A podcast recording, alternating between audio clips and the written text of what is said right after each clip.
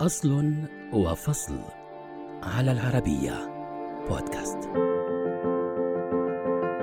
على رقعة من مربعات تحمل لونين هما الأسود والأبيض غالباً.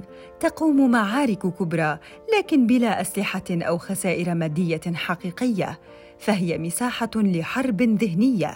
قد تنتهي إثر عبارة كش ملك أو قد تمتد لساعات طويلة أو أيام. كل ذلك هو جزء من لعبة الشطرنج الشهيرة. فكيف نشأت هذه اللعبة؟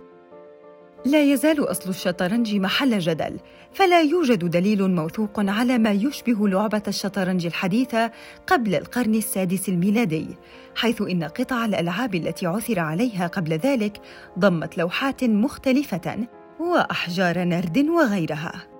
أقرب تلك الألعاب كانت الشاتورانجا الهندية التي ازدهرت بحلول القرن السابع وهي عبارة عن لعبة حرب يمكن الفوز فيها إما بالقضاء على جميع قطع الخصم أو الملك.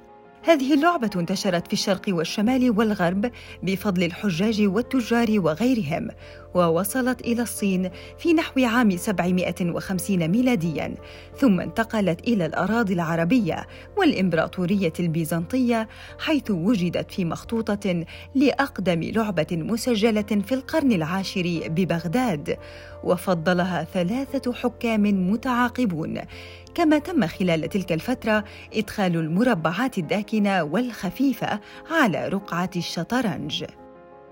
نقل الفرس والعرب والبيزنطيون اللعبة لأوروبا لاحقاً ولكنها حظرت لفترة من الوقت من قبل الملوك قبل أن يندمجوا بها حيث أحبها الملك هنري الأول والملك هنري الثاني.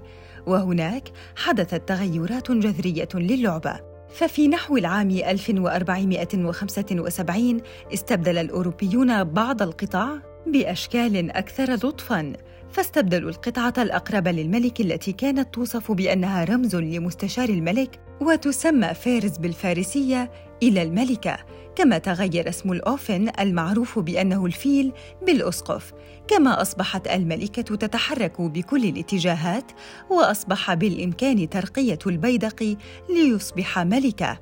كذلك الملك أصبح له تاج بعد أن كان جالسا على العرش مع صولجان. خلال القرون اللاحقة كانت اللعبة قد انتشرت في أنحاء مختلفة من العالم، ففي عام 1750 تم الإعلان عن لعبة الشطرنج الأمريكية من قبل الأب المؤسس للشطرنج هناك بنجامين فرانكلين، لكن الشكل الحديث للعبة ظهر على يد ناثانييل كوك في عام 1842 حيث تم استخدام مجموعته من قبل لاعب شطرنج مشهور بذلك الوقت. في عام 1886 أقيمت أول بطولة عالمية رسمية للشطرنج، لكن تأسيس الاتحاد الدولي للعبة تأخر حتى عام 1924 في باريس، وحينها حمل شعار نحن عائلة واحدة. مع الوقت بات بالإمكان ممارسة اللعبة من خلال أجهزة الحواسيب والتنافس معها.